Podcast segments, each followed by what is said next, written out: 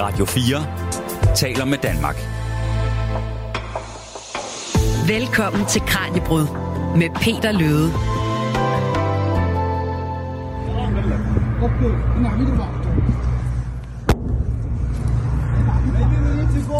Christian! Ja, ja, I need to go. Kolja, det der. Ja, fik ham.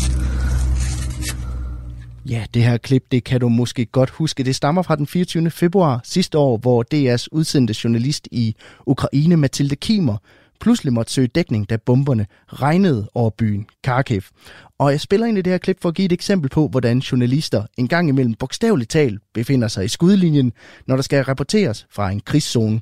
For en god ordens skyld skal jeg også lige sige, at klippet her, det stammer fra DR.dk. Og det er netop de her situationer, som Kranjebrud handler om i dag på Radio 4. I Kranjebrud i dag skal man nemlig se nærmere på lige netop krigens journalistik. For hvordan agerer man som journalist i et område, hvor du sætter liv og lemmer på spil for historien, og hvilke overvejelser står medierne med, når de pludselig bliver tvunget til at vælge side i en væbnet konflikt? Og er det egentlig i orden at gå på kompromis med nogle af de allermest basale journalistiske dyder, når krigen først raser? Det er bare nogle af de dilemmaer, som vi diskuterer i programmet i dag. Jeg hedder Peter Løde, du lytter til Kranjebrud, det daglige vidensprogram her på Radio 4. Velkommen til. Du lytter til Radio 4. Og i den anledning har jeg fået besøg af dig, Lars Kabel. Du er lektor og medieforsker ved Danmarks Medie- og Journalisthøjskole i dagligtale og omtalt som DMJX. Velkommen til programmet. Tak for det. Du har jo i mange år forsket i blandt andet udenrigsjournalistik. Kan du prøve at starte med at forklare lidt om, hvordan din, hvad der særligt har haft din interesse inden for det felt? Jo, altså udenrigspolitik har på, eller udenrigsforhold, udlandsforhold, mm. som vi, vi, vi kalder det, har en særstatus i medieverdenen, fordi det er et felt, hvor øh, lytterne, seerne og læserne ikke har mulighed for selv at have så mange erfaringer, og derfor ikke har den samme kontekst i forhold til det, øh, de får gennem medierne, som man har for eksempel i dansk politik, i lokal øh, spørgsmål og lignende. Så det vil sige, at på udlandsområdet, der er medierne helt klart den primære øh, kilde til folks øh, opfattelser og holdninger til, hvordan forholdene er. Og den, hvad man sige, sværhedsgrad, eller det, at, det, den her, det, at det er svært at, at finde ud af, hvad der foregår i udlandet, det, det er vel sat på spidsen i en krigssituation, tænker jeg. Så er det vel ekstra vigtigt. Øh, ja, det er det. Altså især sådan en krig som den her, fordi man må indrømme, at en krig i Burkina Faso for eksempel mm. jo ikke har den store effekt på, på Europa og på os, men den her krig, den har det. Jeg vil sige, at der er rigtig mange øh, emner inden for udlandsstoffet, som er meget komplekse, og herunder også de væbnede konflikter. Men en krig i Europa, den bonger højt ud på skalaen. Men hvorfor er krigsjournalistikken så vigtig for at forstå, hvad der foregår i, i nogle af verdens brandpunkter, i for eksempel Ukraine? Altså, hvorfor, hvad er det den, for en unik indsigt, som den her journalistik byder ind med?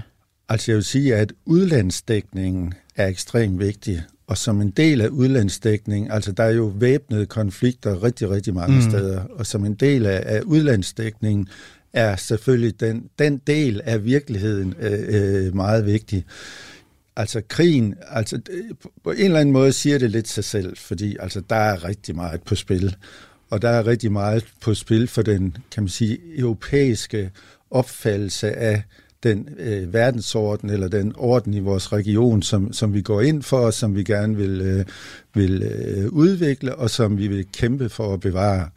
Og så er der masser af menneskeliv øh, på spil, øh, og så er det at tale om et, altså et ualmindeligt groft overgreb på en befolkning, mm. som hvis ikke i sin vildeste fantasi havde forestillet sig, at det kunne, det kunne foregå på den måde jo. Og noget af det, du har kigget på i, i din forskning, det er jo blandt andet det her med, hvordan udenrigs- eller udenlandsstoffet ændrer en lille smule karakter, når det handler om, om krig. Altså, fordi du har blandt andet kigget på, hvordan medierne ændrede adfærd under, under Irak-krigen, og selvom det ligger et godt stykke tilbage, så tænker jeg måske, det er et meget godt sted lige at, at starte. Fordi du nævnte jo blandt andet over for mig forud for programmet, at medierne har tendens til at blive patriotiske, når der er krig. Ja, altså jeg vil sige, i forhold til udland og Irak, altså der, der har vi meget, og det ligger jo en del år tilbage, mm. hvor det ikke var så velkendt en problemstilling, som det er nu, for eksempel med konstruktiv journalistik og sådan noget øh, der har vi været meget øh, øh, kritisk opmærksomme på problemstillingen omkring, at konflikt og sensation var så alt overskyggende øh, nyhedskriterier i forhold til at, at dække en hel masse ting, og selvfølgelig i forhold til krig. Og det, det har givet øh, nogle fordrejninger, øh, mener jeg, og rigtig, rigtig mange andre, der forsker i det, i forhold til de billeder, vi tegner af de andre, og de billeder, vi tegner af, af verden i det hele taget. I Irak, der mener jeg, at jeg kunne påvise, at der foregår en, øh, der er tendens til at være en systematisk overdramatisering. Og det er et problem, fordi det er sådan set dramatisk nok i sig selv. Mm. Der er ingen grund til at overdramatisere. Den anden problemstilling med ja. det patriotiske, det er kan man sige, et generelt øh, resultat af medieforskning i mange lande i forhold til, hvordan krigen den dækkes. Øh, der påpeger medieforskerne, at så lægger man så at sige den, de journalistiske standarder på hylden.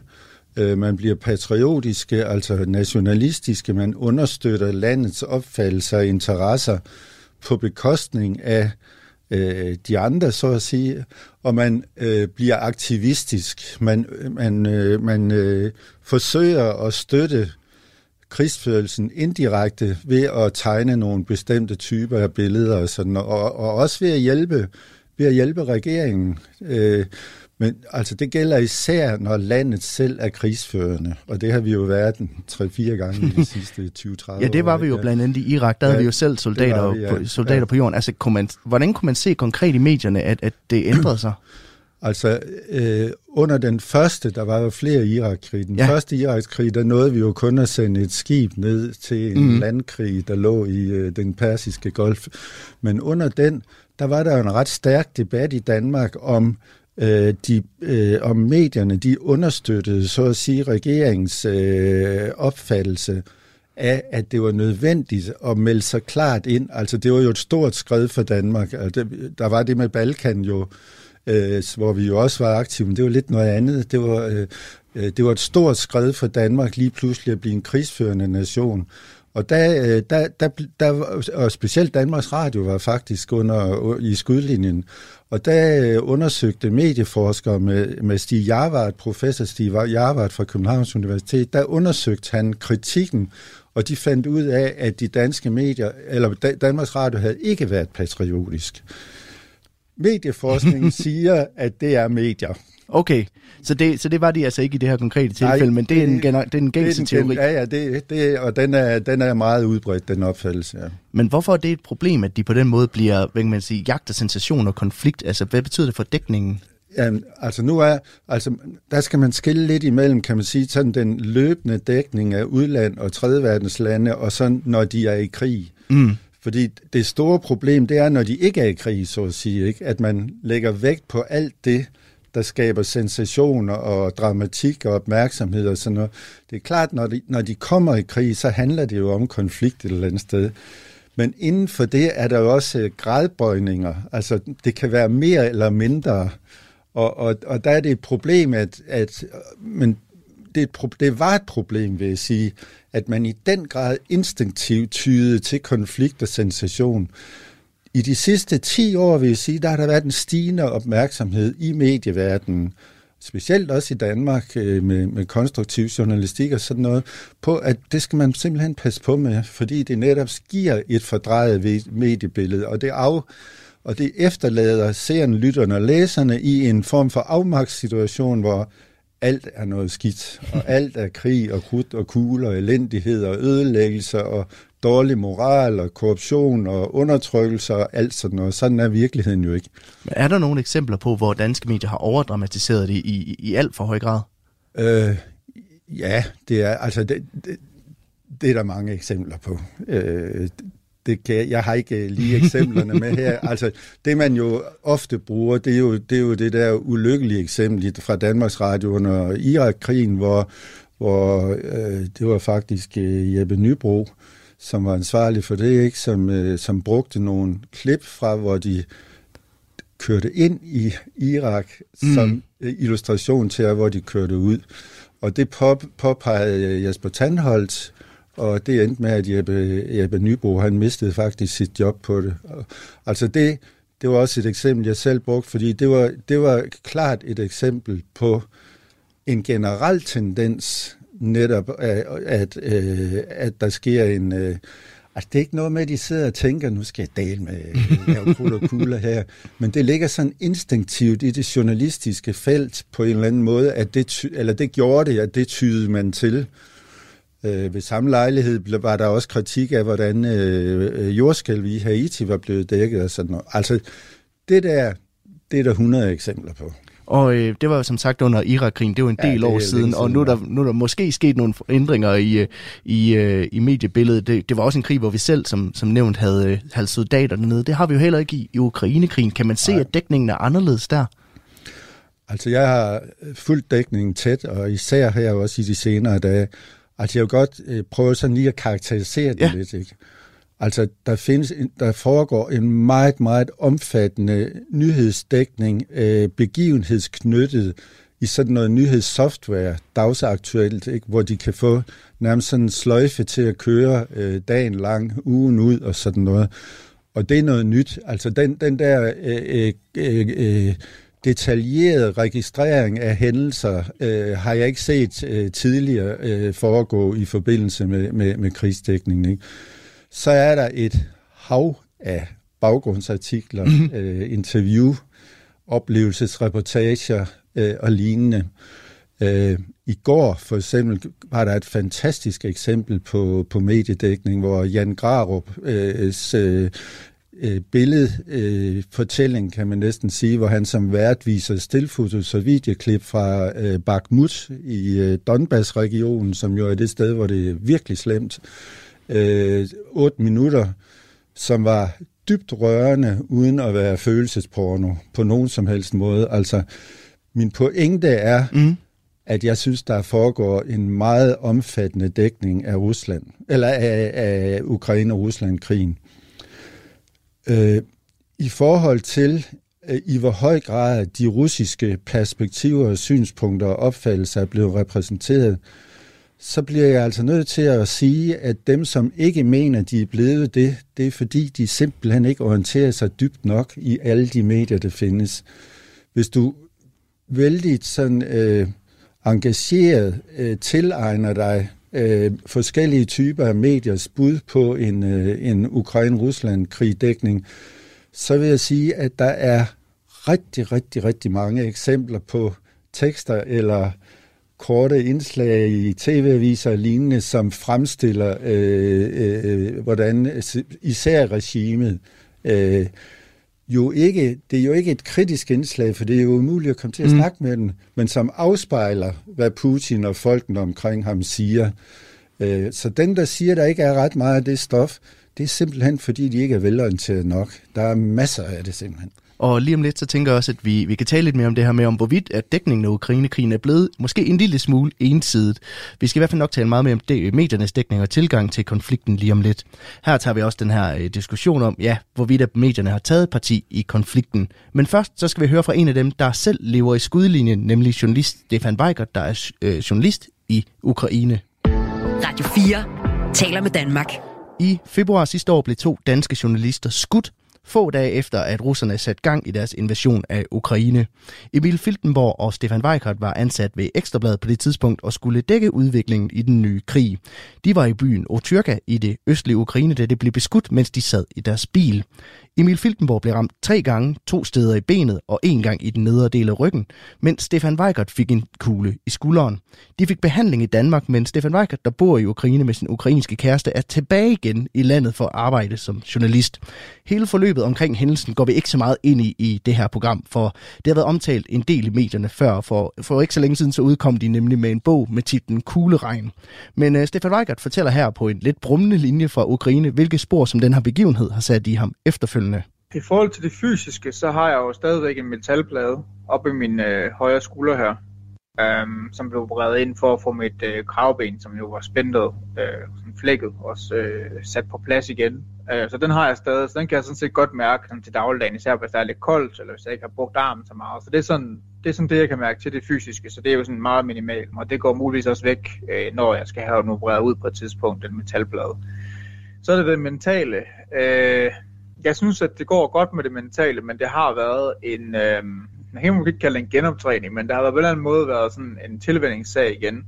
Da jeg kom tilbage øh, til Ukraine i øh, april øh, sidste år igen, altså kom tilbage efter at blive skudt, og også efter at have snakket med en psykolog, der var det meget vigtigt, at jeg tog sådan nogle små skridt for at øh, finde ud af, øh, hvordan min krop rent faktisk har det med det, der er sket. Fordi en ting er, at du kan øh, sidde i Danmark og, og, og reflektere over tingene, og så kan psykologen sige, at det går egentlig godt, du, du viser fremskridt, alting øh, ser godt ud, men når du kommer tilbage til Ukraine igen, så kan der komme nogle efterreaktioner. Øh, så derfor så er det vigtigt, at jeg starter sådan langsomt op. Det var svært i starten i forhold til, når sirenerne hylede over, over byen, selvom jeg var i Vestukraine, øh, så var det stadig noget, sådan, øh, der sidder i kroppen, fordi kroppen plejer at sige, sådan, det virker som om kroppen har prøvet at blive såret, og det glemmer kroppen ikke. Øh, så det sidder på en eller anden måde der. Men jeg synes, at det er gået bedre og bedre, og efter sådan et halvt års tid, jeg har været i Ukraine, synes jeg faktisk, at jeg nogenlunde er tilbage til der, hvor jeg var. Øh, altså, jeg kan komme ud til, til frontområderne, uden at øh, altså, det, er ikke nogen, det ikke hæmmer mit arbejde på nogen måde, det der er sket. Har det ikke fået dig til at ændre adfærd på nogen måde, når du er et eller andet sted, hvor det er lidt varmt? Det kan godt være, at det har gjort det måske sådan lidt i underbevidstheden. Jeg tror, at jeg, jeg tænker meget det samme, altså fordi der var øh, stadig min tidligere kollega der Emil, når vi tog afsted til ting, og så sagde vi altid, at vi skulle lave sådan kalkuleret risici, så vi vidste jo altid godt, at når man kommer ud til et frontområde, så er der en risici forbundet med det, så handler det bare om at minimere de risici og, og, og sørge for, at øh, historien ligesom øh, retfærdiggør at den risici, som, man, øh, som vi tager, øh, eller to. Øh, og det er det samme princip, jeg gør i dag. Men jeg synes egentlig godt, at jeg kan udføre det arbejde, som jeg gjorde før. Men til spørgsmål om, hvorvidt øh, jeg gør noget anderledes i dag, jamen det gør jeg nok i et eller andet omfang. Jeg ved bare ikke, hvor meget der ligesom måske er bevidst. Altså meget det er, at øh, jeg sidder og, og tænker ting anderledes, og meget måske i forhold til, at det bare er sådan, at man gør det, fordi kroppen ligesom, altså det ligger lidt i baghovedet på en eller anden måde. Altså jeg tager stadigvæk ud til nogle, nogle situationer, øh, hvor, hvor det kan gå galt, Øhm, og det er jo bare sådan, som, som situationen er. Altså hvis man skal ud, så, så kan du ikke styre alting. Du kan ikke minimere risicien fuldstændig. Men der er der nok nogle, nogle ting, hvor jeg, hvor jeg tænker, om, om det virkelig er det værd og så videre. Men det er meget svært for mig at sætte lige sådan en finger på og sige, at det der ville du have, ville have gjort tidligere, og det der vil jeg ikke øh, gøre nu. Det er meget, meget svært, synes jeg. Men du har altså en eller anden form for ligning ind i dit hoved, hvor du har historiens værdi kontra de risici, du vil udsætte dig selv for. Ja, det har jeg. Altså, jeg vil give dig et eksempel. Øh, jeg var ude øh, i Øst-Ukraine, det må have været i ja, sen sommeren eller sådan noget sidste år. Jeg kan ikke lige huske, det kan også godt være, at det var blevet, blevet efterår. Øhm, og der, øh, der mødte jeg en af mine, øh, en af mine kontakter derude i det ukrainske militær, som plejede, og han har sådan en indsatsgruppe, så hvis det var sådan, at det begyndte at gå lidt galt ud ved et frontafsnit, så sendte de ham ud i sådan nærmest sådan et, øh, en brandbilslukning, ikke? Altså hvor de kører ind i, i, i Ingemands land, øh, skyder nogle russer, og så øh, kører de tilbage igen, ikke? Og der var et tidspunkt, hvor han sagde til mig, jamen, øh, han ringte til mig, jeg havde lige lavet et interview med ham og, og set noget træning i forbindelse med noget, altså, som vi skulle bruge til ekstrabladet, og så ringer han øh, og siger, hey Stefan, øh, jeg skal ud og skyde nogle russer, øh, jeg, du kan komme med, jeg henter dig om 15 minutter på hotellet. Øh, og det er bare for at sige, det er sådan en ting, som jeg med at sige nej til. Øh, simpelthen fordi, at øh, ligningen gav ligesom ikke mening. Altså, der er mange ting, der ligesom skal, der skal sikkerhedstjekke, der er mange procedurer, der ligesom skal igennem for at finde ud af, om det her det er, er det værd, fordi jeg skal jo vide, hvordan jeg skal reagere i den situation, hvordan de arbejder, øh, hvad er det præcis for en situation, jeg kommer ind i her. Øh, og så skal jeg også nå at vurdere den journalistiske værdi af det her, øh, andet end jeg sidder et eller andet øh, militærkøretøj ud til et eller andet sted, og så bliver skudt en masse, og nogen dør, og så, og så tilbage igen, og så egentlig overhovedet ikke vide, hvad, hvad, hvad det er egentlig er, der er målet ved at få ud af den her historie. Så det er sådan en ting, som man siger, nej, det kan jeg ikke. Det er ikke for at afvise, at man ikke kan lave sådan en historie på et andet tidspunkt, men det kan i hvert fald ikke være med 15 minutters aftræk fortalte altså journalist Stefan Weigert, og det gjorde han til min kollega Kasper Fris. Vi skal nok høre mere fra Stefan Weigert lidt senere i programmet. Du lytter til Radio 4. Dagens Kranjebrud tager os helt tæt på frontlinjerne i krigszonerne. Vi ser nemlig på, hvordan journalister og nyhedsdækningen indretter sig, når de for eksempel dækker krigen i Ukraine. Min gæst i studiet der er Lars Kabel, der er lektor og medieforsker ved Danmarks Medie- og Journalisthøjskole, den der også kaldes DMJX i folkemunden. Og tilbage i april sidste år, Lars, der udgav en række af dine kolleger på DMX en kronik om netop dækningen af Ukrainekrigen, hvor de især påpeger, at en stor del af nyhederne fra, fra det krigshavede land bliver set gennem en, det, de kalder en pro-ukrainsk linse. Og det er jo en debat, der stadigvæk huserer i, i journalistkredsen den dag i dag, knap et år efter invasionen. Er dækningen i Ukraine altså for ensidigt? Øh, min opfattelse er ikke, at den er for ensidig, men den er ensidig. Og det skyldes øh, flere forhold. Altså det skyldes jo blandt andet det forhold, at der er langt øh, lettere adgang til relevante kilder øh, i Ukraine, på Ukraines siden af fronten, end der er øh, på Ruslands siden af fronten. Øh, vi ved jo alle sammen, at i Moskva, der er øh, de udenlandske korrespondenter forment adgang vi ved, at i Rusland er det, og sådan var det også før krigen, er det meget svært at komme i kontakt med autoritative kilder, som har en, øh, øh, en status, der gør, at de kan udtale sig øh, yderligere end det, der står i de officielle erklæringer. Og vi ved, at det er umuligt at komme i kontakt med inderkredsen af, af, den russiske, øh, øh af det russiske øh, regime således at man jo faktisk ikke er i stand til at få informationer, som adskiller sig fra dem, som kommer ud i de officielle meddelelser i de forskellige talspersoners optrædener på, øh, på pressekonferencer, som jo er åbent tilgængelige, men hvor alle jo i dag ved, at det er ekstremt styret information. Så øh, med det udgangspunkt mm. vil, vil skævheden være skabt i opstarten, kan man sige. Altså det er umuligt at skabe en reel øh, lighed øh, i, i den dækning. Ja, i forhold til, hvad der rent praktisk kan, kan lade sig gøre. Ja. Men altså, ligger der noget i det her med, at Ukraine jo også i mange henseender bliver set som et, et vestligt land, hvor Rusland jo i, i mange år har været lidt fjenden for os? Altså, ligger der, no, ligger der noget i det, at vi er mere tilbøjelige til at, øh, at se dem som de gode, og Rusland som de onde? Ja, og altså i forhold til, hvad der er muligt, ikke, så kommer til det andet spørgsmål, mm. det er, hvad der er ønskeligt. Ja. Og der har jeg det i journalistkredse lidt øh, provokerende standpunkt, at det ikke er ønskeligt at forsøge at tegne et et-til-et billede af de to parter i krigen. Øh, og det har jeg af flere grunde. Øh, det ene det er, at, øh, at det er jo ikke for at bruge, kan man sige, den journalistiske metode om altid at se en tag fra to sider og sådan noget, så skal det helst i ud, ud, udgangspunktet være et lige forhold mm. imellem mm. de to partnere. Ikke? Altså øh, nogen, som et eller andet sted har, har, har lige stor øh, ret mm. i anførselstegn til at blive hørt. Nu taler vi meget om det her med, med konfliktbegrebet før, der ligger jo i det, at begge sider skal belyses på ja, en eller anden måde. Det, det er det, det gør, og det kan altså føre til nogle frygtelige ubalancer. Øh, I den her situation, der mener jeg øh, langt fra, der er tale om to ligeværdige partnere, så at sige. Der er et øh, autokrati med en autokrat, som er simpelthen blevet så diktatorisk og brutal efterhånden, øh, som er i stand til at, at, at beordre, at et, et stort land invaderer et lille land på en måde, som er ekstremt brutal. Altså har, har den part, så at sige, lige så stor ret i udgangspunktet til at blive omtalt øh, på samme måde som de angrebne, som er et vestligt orienteret demokrati.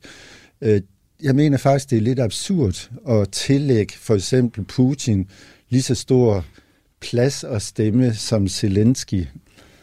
Hvorfor det? Jamen det er jo netop på grund af den der legitimitet, altså ved at, ved, ved at give ham den adgang, så bygger man ham jo op, så tilfører man ham jo en legitimitet som ligeværdig øh, modstander eller partner, eller, hvad, eller ikke partner, men modstander. Ikke? Og det mener jeg, at der, det er der simpelthen ikke belæg for at til, tilføre ham, for at give ham. ikke. Der er entydige øh, konklusioner, der siger, at manden han lyver stolpe op og stolpe ned, værre end Trump nogle gange. Ikke? Hans, hans billedsprog, ikke? altså fuldstændig absurde billedsprog om et, øh, et nazistisk regime. Zelensky er jøde, han havde øh, pårørende, som blev dræbt i koncentrationslejren. Og, altså det, det er så langt ude i hegnet og, og, og, og bygge det op og give det stor status, og det er bare et eksempel. Der er masser af andre eksempler. Mm. Øh, det er journalistisk ikke øh, tilstræbelsesværdigt efter min mening, og man skal ikke gøre det. Og man gør det heller ikke. Men ligger der ikke også et behov mm. i den her konflikt for os at prøve at forstå Rusland en lille smule? Hvordan, kan, hvordan kan man det uden at give, øh, øh, hvad kan man sige, aut- autenticitet til, til styret? Ja, det er svært. Jeg har selv arbejdet med at analysere Rusland i, eller mediedækningen af mm. Rusland i tre år for Nordisk Ministerråd. Det ligger et par år tilbage. Men der var vi, der var vi meget sådan optaget af at lave et skillelinje mellem det, det, det Rusland, altså det store Rusland og befolkningen, og så regimet i Kreml og Putin. Øh, der er selvfølgelig øh, symbiose imellem dem, men der er ikke lighedstegn. Øh, jeg mener fortsat, at det er ekstremt vigtigt at have kontakt og vil lytte til det store Rusland, for eksempel. Ikke? Altså det er jo, øh, er det ikke otte tidszoner og 150 millioner mennesker, ikke? Øh, det er ikke det samme som at lytte til og give betydning og taletid til et regime, som efterhånden opfører sig som på, en, på en måde, som er ud fra alle parametre fuldstændig uacceptabel simpelthen. Der er forskel på de to ting. Samtidig vil jeg mm. så sige, som jeg også startede med at sige, da jeg prøver at karakterisere mediedækning, at der er altså en omfattende beskrivelse af, hvad Putin han mener. Den er ikke lige så omfattende, som den er på ukrainsiden, men den er omfattende af, hvad, altså hvad regimets standpunkt er. For eksempel det der med, at NATO er gået helt frem til grænserne. Ikke?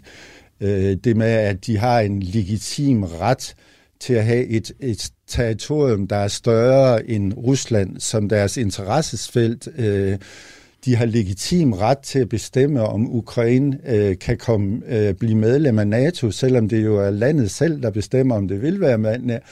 Og ja, han har sagt bla bla bla. ikke? Altså, der er masser af sådan noget. Men kan man vente om at spørge, altså og, og kigge på, om, om vi så er for ukritiske over for, over for Ukraine Altså, har vi tendens til det? Fordi ja, man hører jo tit det her med, at jamen, jeg mener både, at Ukraine og Rusland har forbudt sig mod øh, Genève-konvention og Haag-konvention, men jeg synes, vi har en tendens til måske at udlægge det på lidt to forskellige måder. Jamen, det har vi også. Og det, det er nok rigtigt nok. Altså, jeg vil heller ikke forsvare alt, hvad der foregår. ikke? Altså, der er noget med dobbeltstandarder på spil, ikke? Og der er mine kære kollegaer i deres kronik, der nævnte de også den der med, at når Kina støtter Sovjetunionen, øh, med våben, ikke, så er det helt galt. Altså, så er det et krigsoptrappende, og det er ødelæggende. Når Vesten stykker Ukraine med våben, så er det nødvendig øh, nødhjælp til et land, der er ved at blive smadret og sådan noget. Ikke? Altså der, man kan sige, den lingo, der er omkring de der, altså der er noget, der er noget dobbeltstandarder på spil. Og det skal man passe lidt på med. Ja, for medierne skal vel ikke miste sin kritiske sans? Nej, det skal i det de ikke. Nej, det skal de ikke. Øh, I forhold til, når Ukraine de øh, også øh, be, øh, forbryder sig mod, øh, mod, øh, hvad kan man sige, øh, mod krigens øh, love, ikke? Øh, så vil jeg sige, at grunden til, at vi overhovedet kan tale om det, det er jo fordi, der har været eksempler på mediedækning af det. Ellers så vil vi jo ikke vide det. Øh, I den se, jeg vil sige, det var, det var nok... Øh, det var nok et, et meget relevant tema mm. i de første, måske halve år af, af krigen.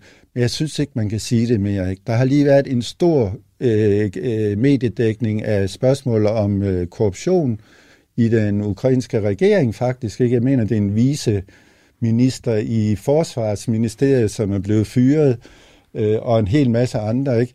Der har været øh, dækning af de der eksempler, som du siger, ikke, hvor ukrainer øh, øh, sandsynligvis har likvideret russiske krigsfanger, og der har været andre eksempler øh, på, hvem hvem har haft ansvaret, og har, været, har det været tilsigtet, at mm. et hospital bliver bombet, eller har det været et uheld?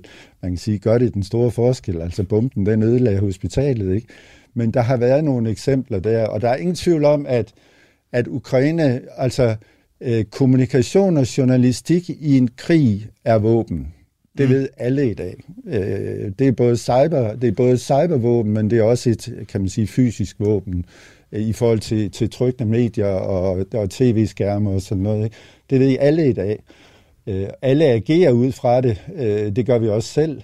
Og øh, Ukraine har, vil jeg sige, fornuftigt nok øh, måtte tage det våben i brug også i kampen mod den der store, grove bjørn, der, der truer dem fra øst. Jo. Og når vi, når vi nu taler om, at medierne på et eller andet niveau i hvert fald tager stilling i en, i en konflikt, altså hvordan bør de så deklarerer det over for, over for modtagerne, sådan så modtagerne jo ikke sidder og får et, et vist billede af virkeligheden, men det er gennemsigtigt. Ja, Altså, jeg synes, den der øh, dokumentar, øh, billeddokumentar med Jan Grab, som mm. kan ses på Danmarks Radios hjemmeside nu, den er et virkelig flot eksempel på det, jeg mener.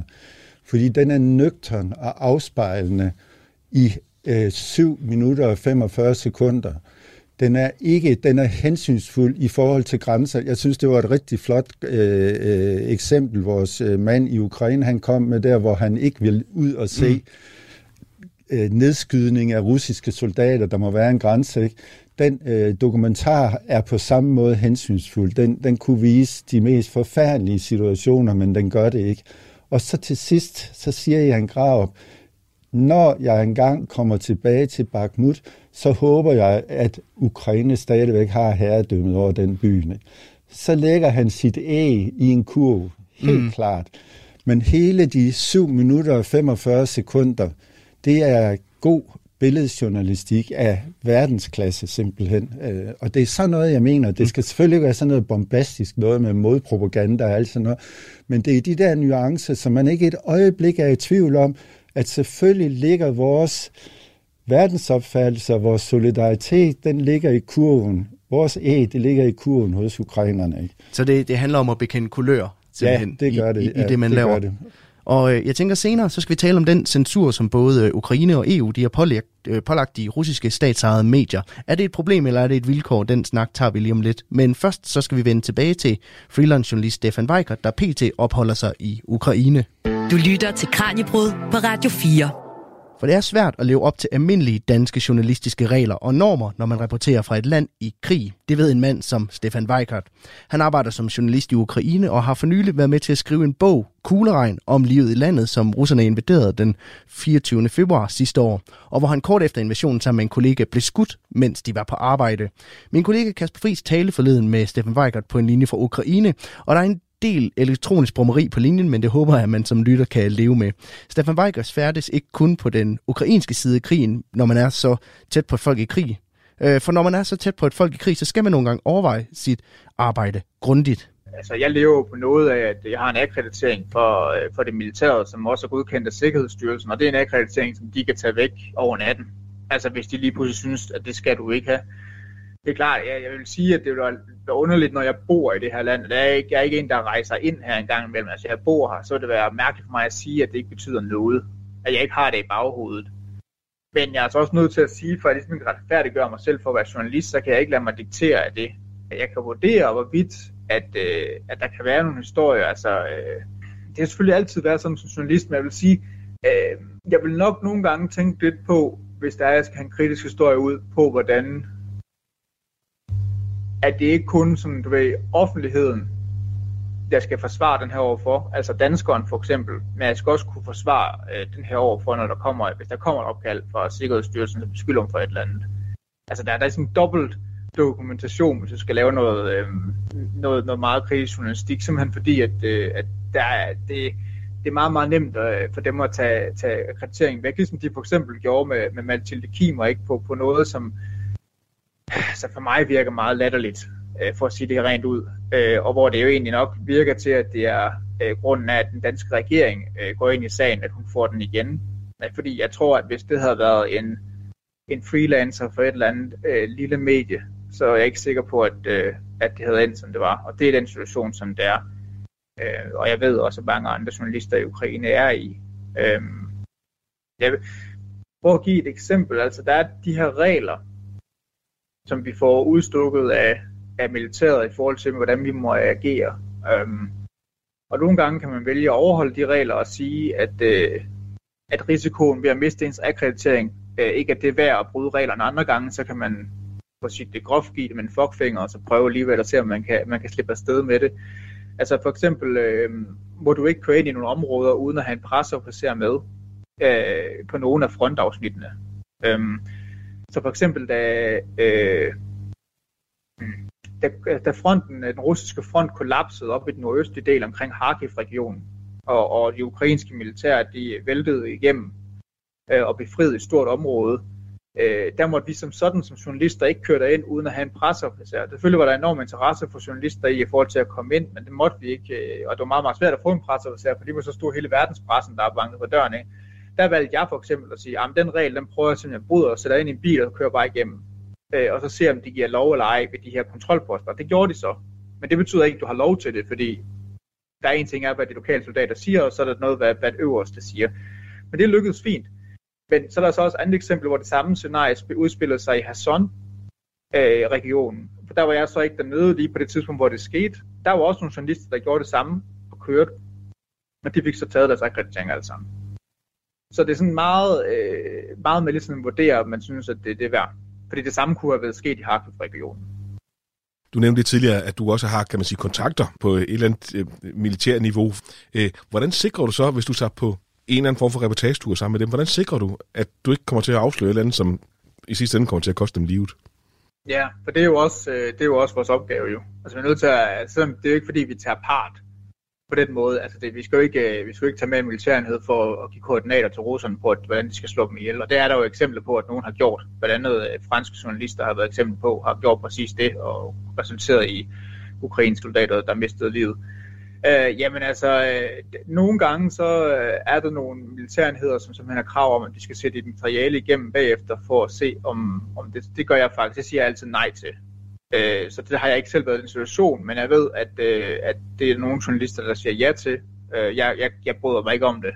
Øh, men det jeg gør, det er simpelthen at sige, at for eksempel, jeg kan eksempel, jeg var ude på, den, øh, på en tur, en evakueringstur, ud til en position cirka 800 meter væk øh, fra russernes positioner, hvor det siger bang hele tiden øh, omkring. Altså det, det, det er en aktiv øh, frontlinje, og hvor jeg var afsted med evakueringsfolk. Øh, jeg tog en masse video du ved, ud af bilvinduerne og sådan noget, og masser af videoer, der er ukrainske kampvogne, øh, der står ved siden af huse og sådan noget. Og der, der var jeg jo sådan, når jeg skal lave videoen til sidst, og, øh, også billeder, så man sådan kigge det hele igennem, og være helt sikker på, at jeg ikke tager et billede, øh, eller sender et billede eller et stykke video, hvor jeg kører forbi et sted som, igennem en landsby, som åbenlyst kan blive øh, geolokaliseret. Og så ligesom, du kan se, om der holder tre ukrainske kampvogne ved det her hus, er, det er åbenlyst, det er en form for base, en mindre format, format ikke? Altså, der må du simpelthen bare nødt til at, at sørge for selv at kigge tingene igennem, og være meget, meget, meget grundig efter, øh, hvad for noget materiale, der bliver valgt ud, og sådan noget, der ikke gør.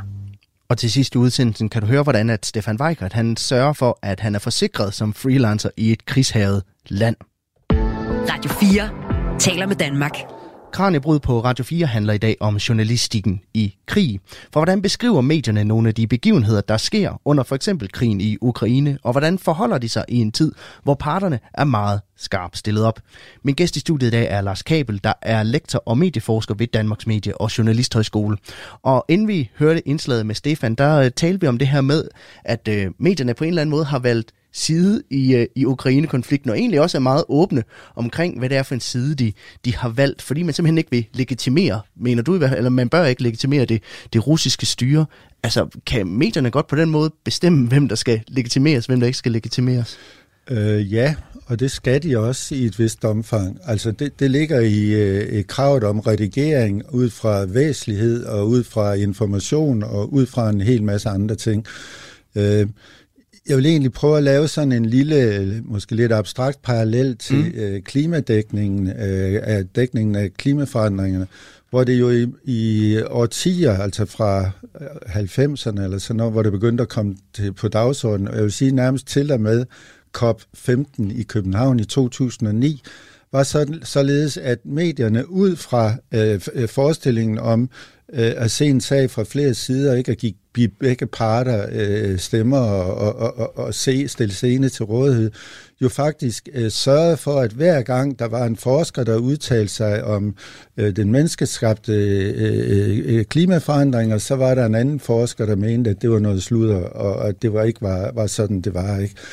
Og, og, de, og den linje, den kørte man i, øh, i, øh, i, øh, i 20 år eller sådan noget lignende, og gav dermed stor legitimitet til klimaskepsisen, øh, som jo også blev udnyttet, det ved man jo i dag, af store internationale kommunikationsfirmaer, som var hyret af af den øh, olieindustrien til at skabe usikkerhed omkring det menneskeskabte. Ikke?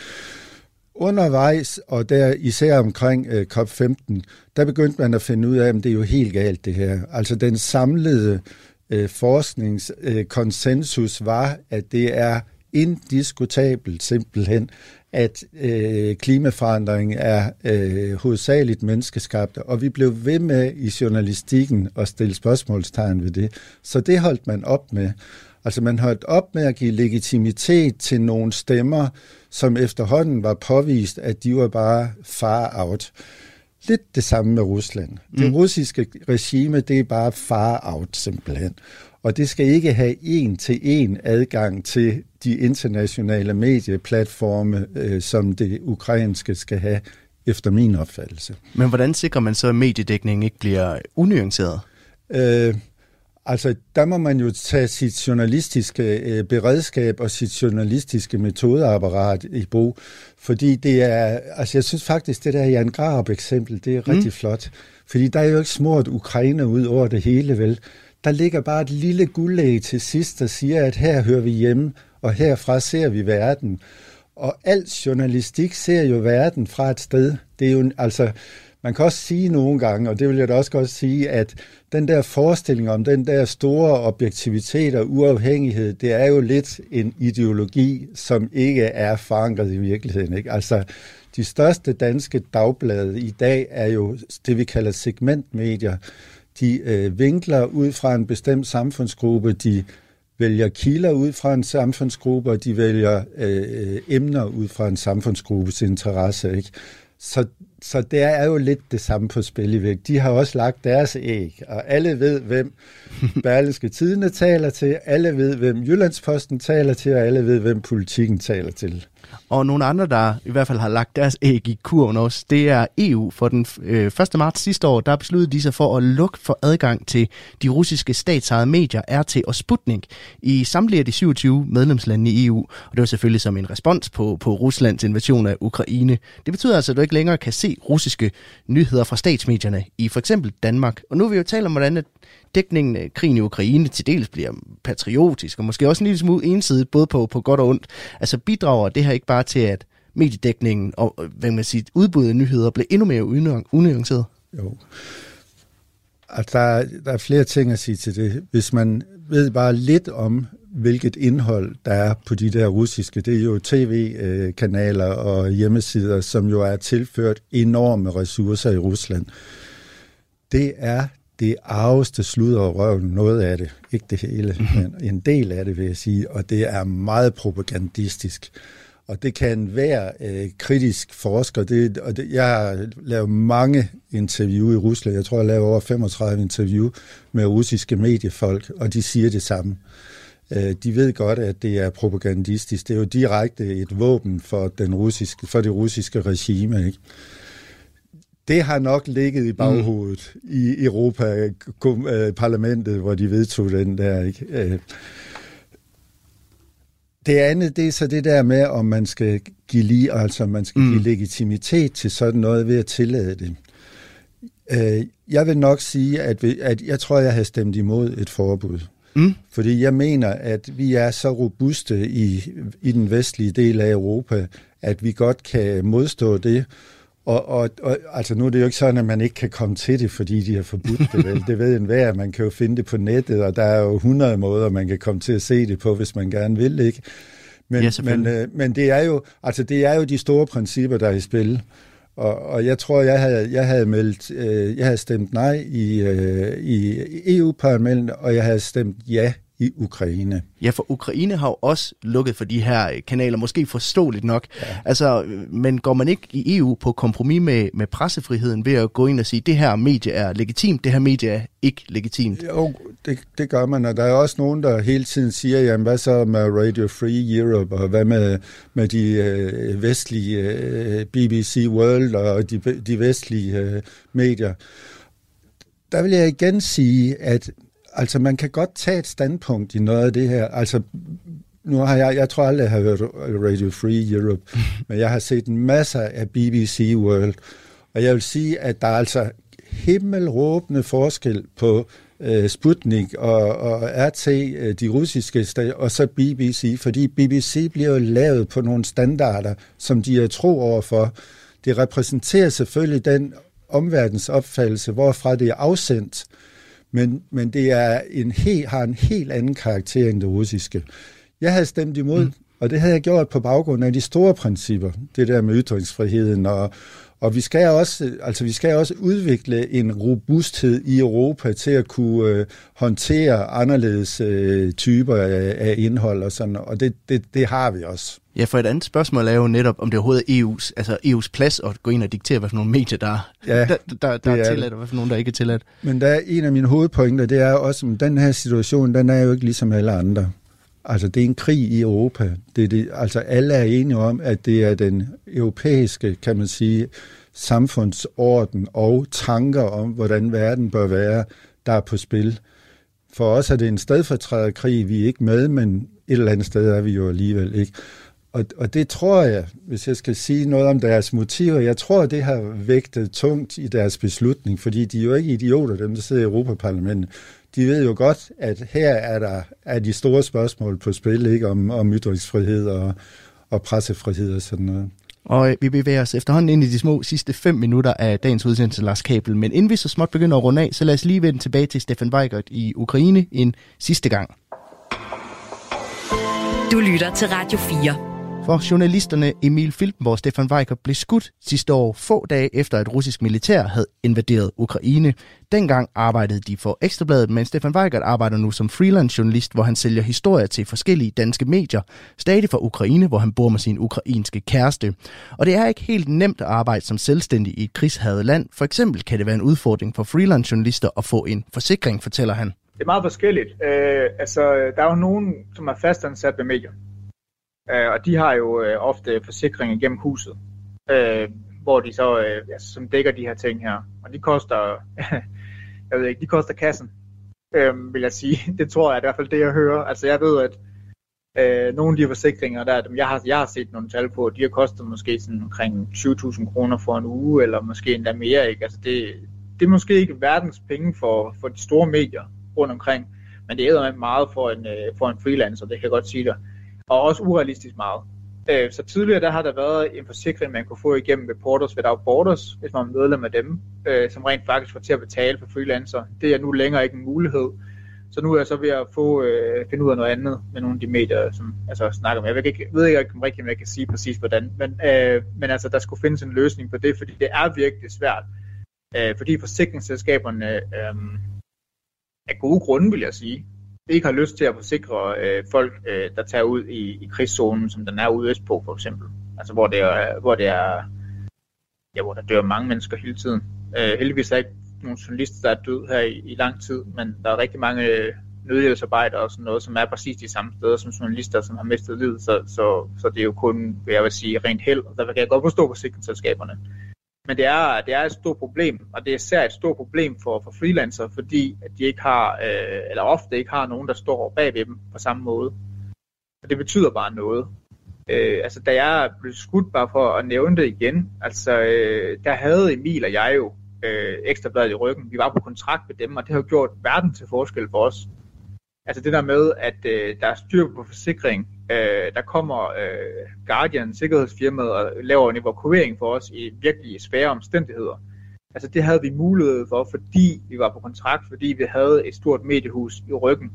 Øhm, jeg synes stadig, at jeg er okay stillet i dag, selvom jeg er tilbage til at være freelancer, men der er rigtig, rigtig mange freelance journalister generelt set, som er i rigtig, rigtig dårlig stand i forhold til det her, fordi de ikke har midlerne til at beskytte sig selv, og bund og grund står over for to valg. Det ene valg det er at lade være med at gå derud, og det andet valg er så at tage derud, og så måske tage afsted uden forsikring. Men hvis de så vælger sig at tage afsted, er det så fordi, at der er så gode penge i det? Nej, det, det tror jeg ikke. Altså det er klart, at, at det er bedre at være freelancer nu i Ukraine, end det var øh, før invasionen februar. Altså pengene er bedre, men pengene var godt nok også elendige før. Øh, så jeg tror, at øh, jeg tror ikke, der er ret mange freelancer, der tjener helt vildt mange penge. Øh, mange af de freelancer, jeg har mødt, men jeg ved godt, det ikke dækker over alle, men, men mange af dem, jeg har mødt herude, er drevet meget passion øh, på den ene side. Øh, måske en faglig stolthed. Øh, og så er der også nogen, der er drevet af, at de synes, at det er vigtigt øh, arbejde. Altså, øh, at, det, at det skal offentligheden vide, i hvor end de er fra. Øhm, øh, og derfor så tror jeg, at, at det er svært også for de mennesker, øh, hvis det er sådan, øh, og det er også mig selv personligt, altså det er svært at vil måske skulle acceptere, at du ikke kunne lave arbejdet, fordi du ikke vil have en forsikring. Derfor du ikke kan få en forsikring, altså forstå på den måde. Og derfor så er der, det er helt overbevist om, at der er mange øh, freelance journalister i Ukraine, som render rundt øh, uden forsikringer. Helt fortæller altså Stefan Weigert på linje fra Ukraine. Vores tid her i studiet, den begynder også så småt at løbe ud. Lars Kabel, lektor og medieforsker ved Danmarks Medie- og Journalisterskole. Det blev alt, hvad vi når i Kranjebrud i dag. Tak for dit besøg her i studiet. Selv tak, det var en fornøjelse. Du lytter til Radio 4. Og tusind tak til dig, der lyttede med. Husk, at vi sender alle hverdage her på Radio 4 fra kl. 12.10 til kl. 13. Nu er det blevet tid til nyheder. Jeg hedder Peter Løde. Programmet er produceret af Videnslyd for Radio 4. Tusind tak for i dag.